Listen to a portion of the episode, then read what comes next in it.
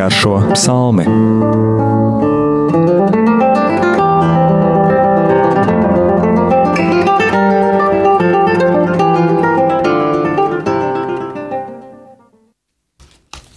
Slavēts Jēzus Kristus. Mūžīgi mūžos slavēts.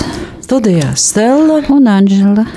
Kā šodien izskanēs šīs sezonas pēdējais raidījums, kurā nedaudz nogaršojām psalmus, iepazināmies ar šo šī krājuma uzbūvi, iespējamiem autoriem, arī par to, kā tie tiek iedalīti, ka veidojas šīs piecas grāmatas, ka tur varam redzēt paralēlis ar piecām mūzus grāmatām, jeb toru, ka arī psalmi savā veidā atgādina par likumu un apcer dieva likumu. Un psalmus mēs aplūkojām, varētu pat teikt, diezgan haotiskā kārtībā, bez lielas tādas secības, vairāk pielāgojoties liturģiskajam gadam, ņemot vērā, ka, ka ir gavēns, ka nāk lieldienas, un nedaudz skatījāmies no katra ciešana psalmus, slavēšanas psalmus, arī gudrības psalmus un arī slavas dziesmas. Un kaut arī tādas īpašas sistēmas nebija, kaut kas kopīgs tomēr veidojās, mēs no ciešanām un grēkatziņām ejam uz slavēšanu. Un šodien šajā raidījumā vēlos arī pateikties tiem, kas psalmus izvēlējās. Un paldies Anģelai, ka viņa izvēlējās diezgan daudzus psalmus, kādus izvēlējos arī es. Un liels paldies arī Rīgas arhibīskapam Zbigņevam, kā arī viņš iesaistījās šajā psalmu izvēlē, jo tas palīdz arī labāk iepazīt viņu, viņu kā cilvēku, viņu kā teologu, viņu kā domātāju, kuri psalmi un to atziņas viņam ir svarīgi. Tā kā paldies visiem, kas to atbalstīja. Un šodien iedziļināsimies ļoti īsa psalma atziņās. Slavas dziesma, pats pēdējais psalms, 150. Un tas šķiet, nu, ko tur par viņu daudz var pateikt. Seši panti, sākas ar aleluja, tad slavējiet kungu, un beidzas ar to pašu. Bet tur uzreiz jau varam pievērsties tam, kas jāslavē, kāpēc jāslavē, par ko jāslavē, un kādā veidā, un kuri ir tie, kuri slavē. Varam vēl ievērot, ka 144. psalms ir tāda kā robeža, ka cilvēks ir izgājis visu šo savu dzīves ceļu, mēģinājis būt kā tas, par ko runā pirmais psalms, svētīgs cilvēks, kas neseko bezdīvīgo padomam, Nec staigā grēcinieku ceļus, nedz arī sēž paļātāju pulkā bet kam prāts saistās pie tā kunga baušļiem un kas dienām naktīm domā par viņa bauslību. Tad viņš ir gājis šajā ceļā. No kunga likuma skatu punktus, redzējis savu dzīvi, kur viņš ir pārkāpis likumus, kur viņš ir nožēlojis savus grēkus, un kur atkal kungs viņu ir pacēlis, kur kungs ir bijis viņam līdzās ciešanās. Un 144. psalmā psalmists, un tur ir atzīmēts, ka autors uh, pats Dāvids. Viņš sauc, lai kungs atver debesis un nokāpi zemē. 144, 5. Atver kungs savas debesis un nokāp zemē, aizskar kalnus, lai tie kūp.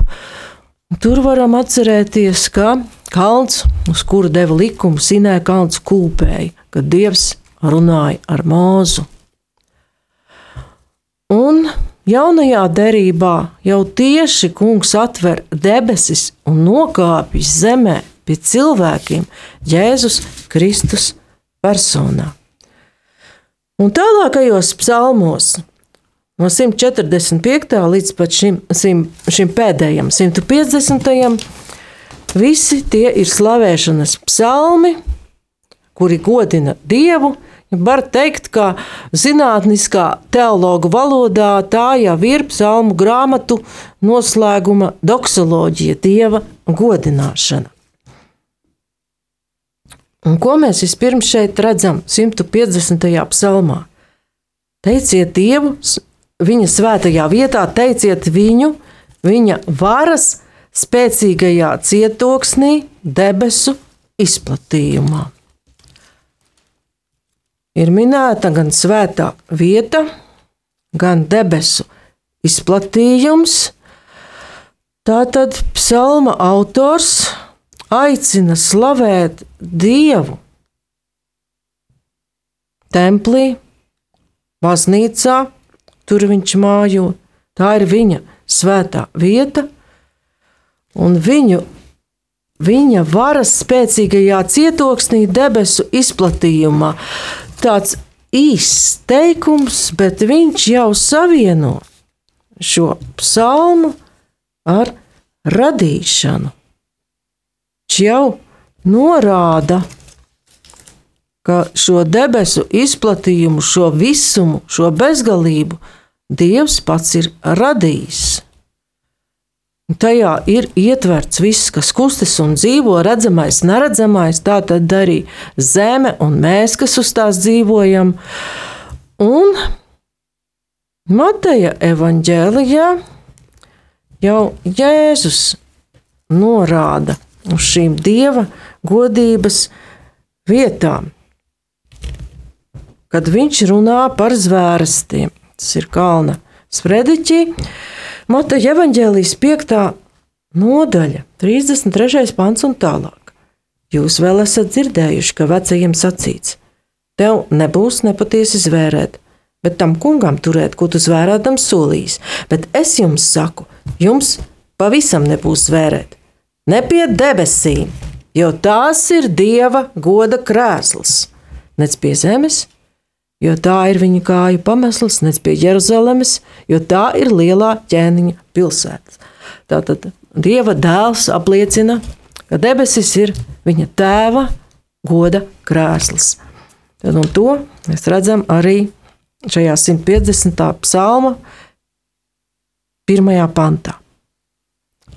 Un arī šeit mēs varētu izlasīt, te atkārtosim, slavējiet kungu, slavējiet Dievu viņa svētnīcā, slavējiet viņu dižajā debesījumā.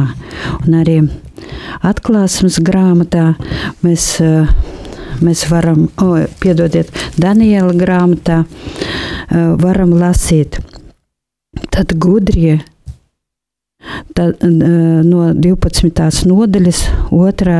2. 3. pants. Daudzi, kas sadusas zemes pīšļos, celsies, citi mūžīgai dzīvei, citi mūžīgam kaunam un negodam. Tad gudrie mirdzēs kā spožais debesjums, tie, kas pie taisnības veduši daudzus, kā zvaigznes mūžīgi mūžām. Un arī Un iepriekšējais fragments, no kura psalma bija? Un tas, tas bija 150. Cits tulkojums. Jā, cits tulkojums. Savādāks skan. Ir jā. pirmais pants. Jā. Slavējiet kungu, slavējiet Dievu viņa svētnīcā, slavējiet viņu dižajā debesjumā. Un te jau ir šajā tulkojumā tieši norāde uz šo svētnīcu. Tātad eh, slavēt Dievu arī svētnīcā apmeklēt šo svētnīcu, kur Dievs tiek pielūgts. Tātad psalms jau dod atbildi uz to, vai ir vērts iet uz svētnīcu. Psalms aicina iet un slavēt. Un par šo debesjumu un goda krēslu tu pieminēji atklāsmes grāmatu. Jā, tur arī ir ļoti skaists teksts, kur ir parādīts, atainot šis dieva goda krēsls. Kā varam pat to izlasīt?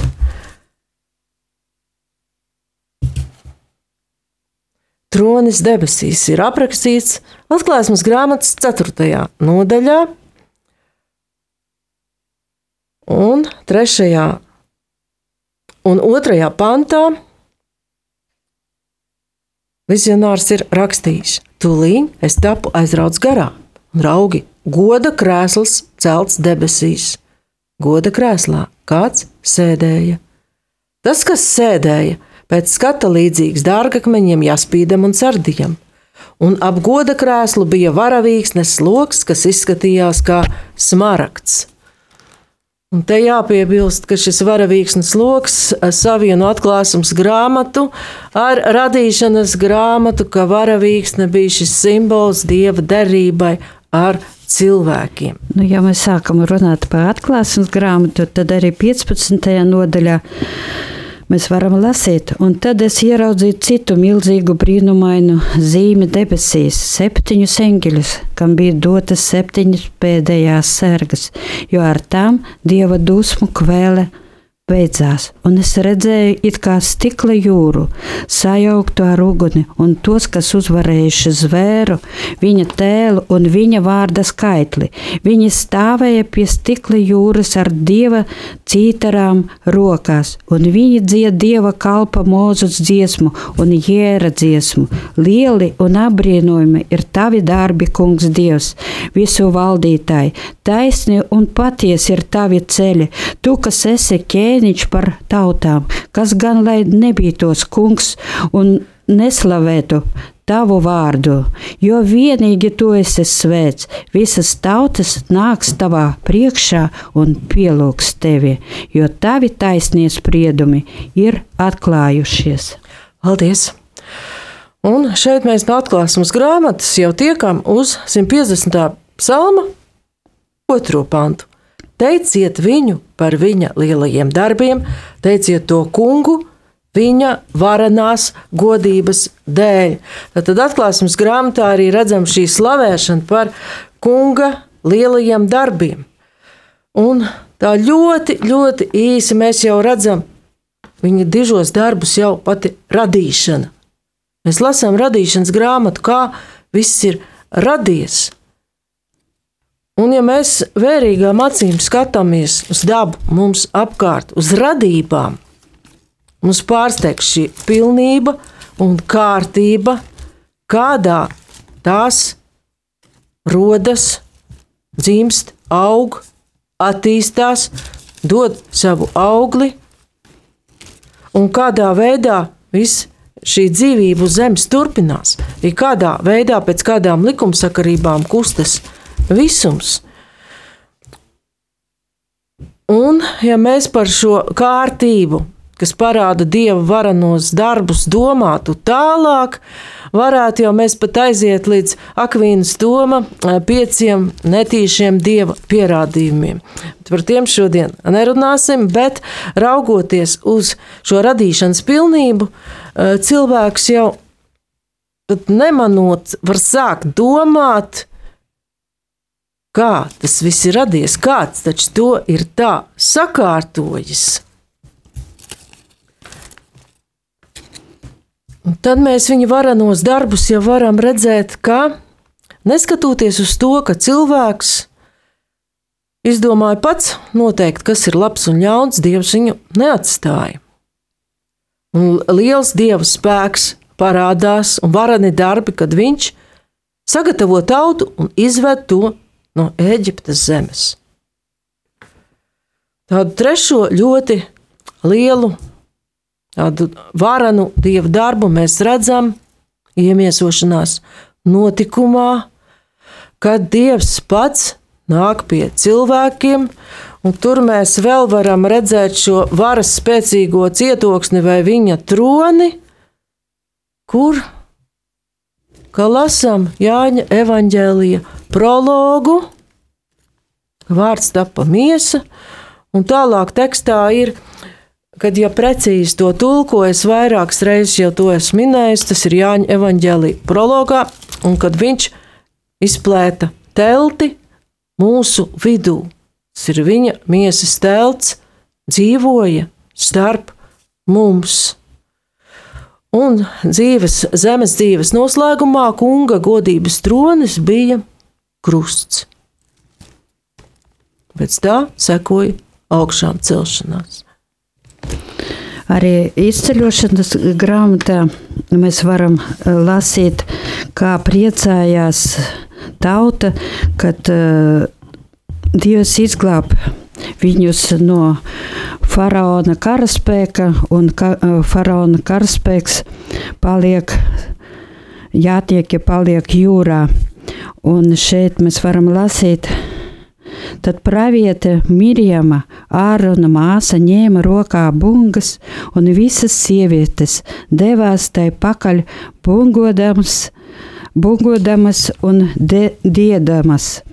Un Mīrijama tam teica: Dziediet kungam, jo viņš augstin augsts, ir, ir zirgus, ir jātniekus iemeta jūrā. Un tie tie slavenie darbi mūsu kunga, kurus mēs katrs savā vēsturē e, esam jau piedzīvojuši arī. Un kādreiz ir tā, ka pat ir mierīgi jāpadomā un jāpaskatās. Un ir pat tāds izbrīns, kā vienā vai otrā situācijā viss ir atrisinājies, vai pat kā tu esi palicis dzīves.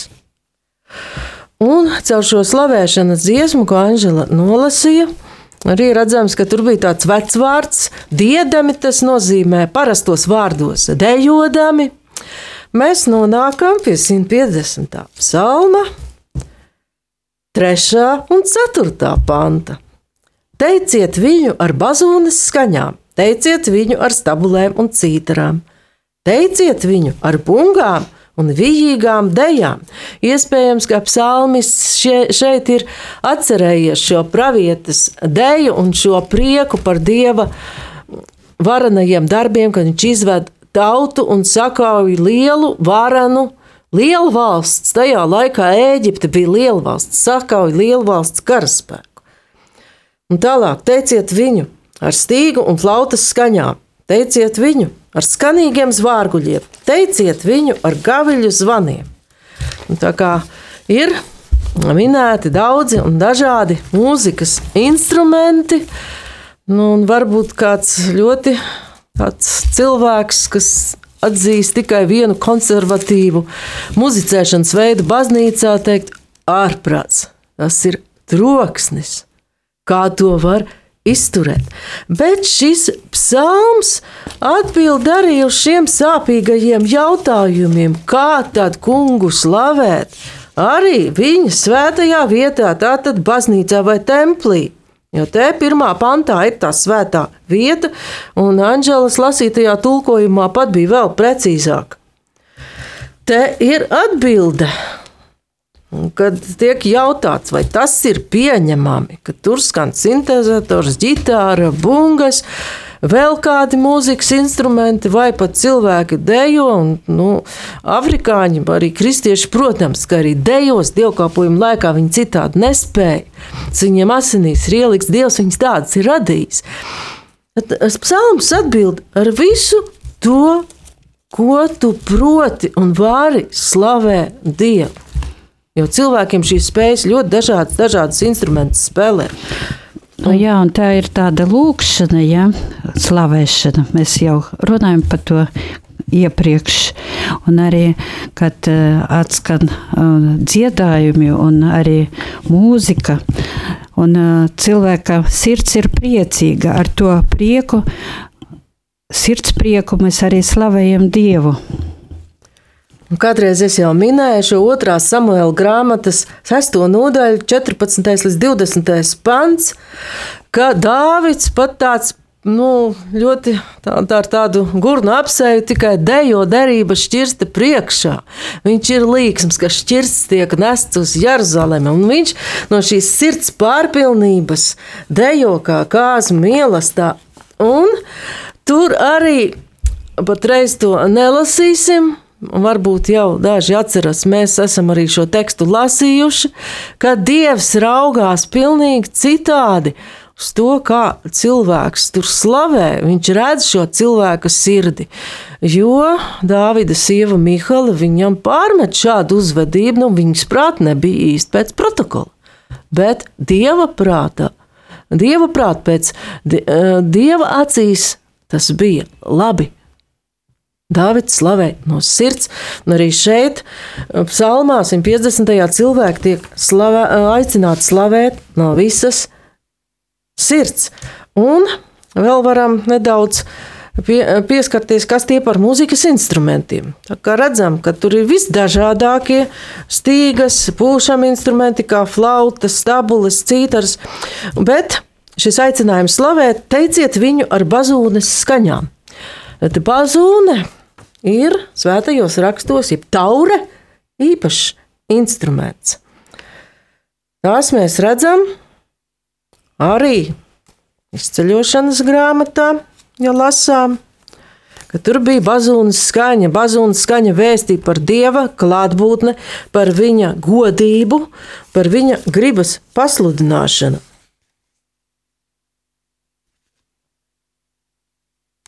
Un mēs varam lasīt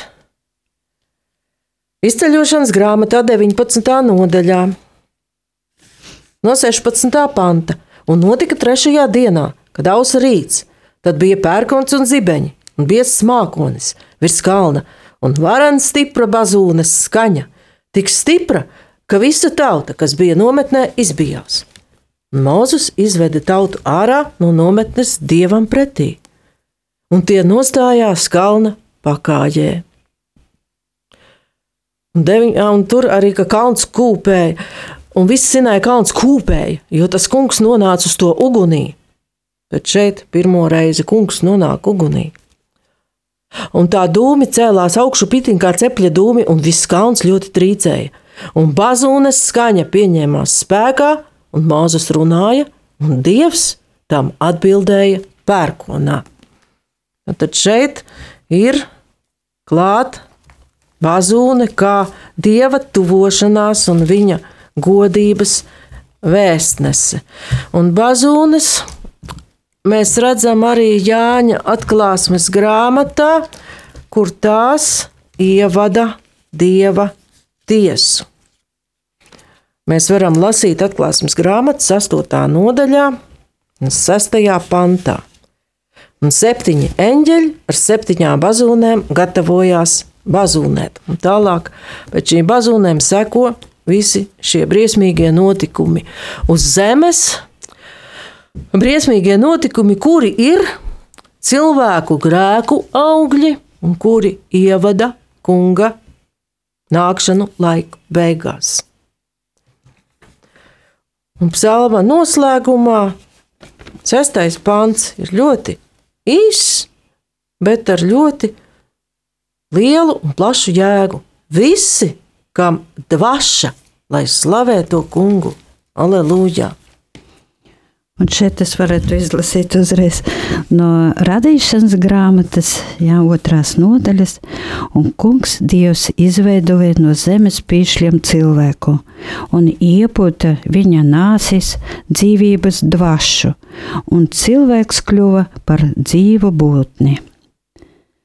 Dievs dod mums dvašu, un dod to dvašu arī šeit, aicina mūs slavēt viņa darbus, slavēt viņu visu dzīvi. Un kamur mēs elpojam, mēs esam aicināti slavēt savu kungu visu dzīvi, kamēr mēs elpojam. Un priecāties par viņa darbiem savā dzīvē un visas uh, cilvēces dzīvē. Paldies! Un vēl varam izprast šo vārdu, jo, kad Dievs dod savu dvašu, īpaši ir izcelts attiecībā uz cilvēku, ar to uzsverot, ka cilvēks radīts pēc dieva tēla un līdzības. Viņš tieši saņem šo dvašu no dieva, bet lasot radīšanas grāmatu, mēs redzam, ka dievs rada ar savu vārdu un visu uztur dzīvībā. Jo mēs redzam, ka tas viss, kas mums apkārt ir dzīves un kustās, un var noprast, ka šie visi, kam dvaša ietver visu radību, ka visa radība slavē kungu, jo atceramies, ka Asīzes Francisks pat ir sludinājis putniem. Un apustulis Pāvils vēstulē romiešiem arī raksta, ka visa radība gaida atsvabināšanu. Un jau vecā derībā pravietis Isais runā par tādu īpašu laiku, kurš iestāsies, ka šis zars no izsaja cēlma, kur mēs varam saprast Kristus, atjaunos radību tās sākotnējā svētuma stāvoklī. Tad vilks mājos pie jēra un pantera apgulsies pie kazlēna. Teļš un jauns lauva un trekni lopi būs kopā, un mazs sēns tos ganīs. Kops un lāču māte ganīsies kopā, un viņa bērni gulēs kopā. Lauva ēdīs salmus kā vērsis. Zīdainis bērns rotaļāsies pie odzes alas, un nu pat no krūts atšķirts bērns izstieps savu roku pēc odzes spīdošām acīm. Ļauna neviens vairs nedarīs, un negrēkos visā manā svētajā kalnā jo zeme būs tā kunga atziņu pilna kā jūras dziļumi, kas līdz pašam dibenam ūdens strāvu pilni. Un šeit arī mēs varētu uh, izlasīt vēl atklāsmes grāmatā, 5. nodaļā, 13. pantā. Un es dzirdēju vienu radību debesīs, un virs zemes, un zem zemes, un jūrā, un visu, kas vien tur ir, sakām, lai augstu teikts, lai gods un godība, un vara tam, kas sēž tronī, un jēra mūžīgi mūžos, un četras dzīvās būtnes teica: Āmen! Un vecēji krita pie zemes un pielūdza. Paldies! Tad arī ar to mēs varam ar šo slavas dziesmu, cerībā uz to, ka reiz visa radība slavēs kungu, beigt šo raidījumu ciklu. Un paldies visiem par uzmanību! Studijā bija Stela un Anģela